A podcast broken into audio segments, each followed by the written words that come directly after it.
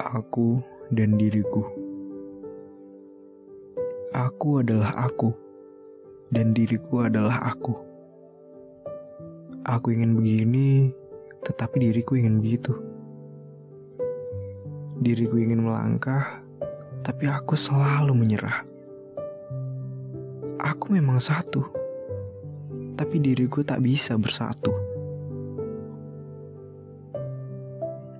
Siapa lagi yang paling mengenal diriku selain aku? Tapi mengapa aku dan diriku selalu tak sejalan? Selalu saja membentuk jembatan tak seimbang yang serba salah. Jika tak menyeberang, aku akan tumbang dibunuh bimbang. Dan jika menyeberang, aku akan terjatuh melayang bersama bayang-bayang kekalahan. Diriku tak pernah mengikuti setiap langkahku. Karena diriku takut aku salah mengambil langkah. Tak tahu siapa yang benar, yang ku tahu aku selalu benar. Diriku juga benar. Tapi kami selalu saja berdebat. Akhirnya kami hanya bisa berdiam di tempat. Saling menyalahkan dan masalah pun tak pernah terselesaikan. Aku selalu memaksa diriku untuk melintasi awan, tapi diriku lebih pilih melintasi hutan. Aku hanya bisa menunggu diriku, dan diriku pun menungguku.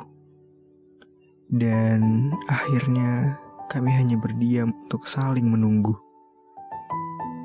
Sisi baiknya, kami masih saling menunggu meskipun tak pernah bersatu. Setelah lama menunggu, aku dan diriku pun mengesampingkan ego, kemudian saling bertemu. Entah siapa yang dapat menyatukan aku dan diriku. Mungkin dia adalah tekad kuat yang memberikan jalan tengah untuk bersekutu. Dan sampai sekarang, aku tak tahu di mana keberadaan tekad yang kuat itu. Mungkinkah berada di dalam potongan tulang rusukku yang terpisah? Atau mungkin terselip di antara jutaan angan masa depan yang melayang di kepala. Aku hidup di antara bayang alam semesta. Sedangkan diriku hidup dalam batuan indah yang tak mudah pecah. Menyatukan kami bagaikan menyatukan air dan api. Mungkin ini memang takdirku dan diriku. Hanya bisa saling menunggu sampai beberapa waktu berlalu. Tapi aku yakin sebentar lagi kami akan menyatu